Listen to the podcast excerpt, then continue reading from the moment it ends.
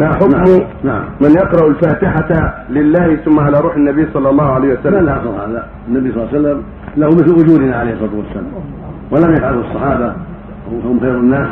فلا تقرأ الفاتحة للنبي صلى الله عليه وسلم ولا غيره ولكن تصلي عليه كثيرا عليه الصلاة والسلام. تصلي عليه كثيرا وتجتهد في اتباع سنته وتعلم أمره ونهيه والمسارعه إلى ما شرع.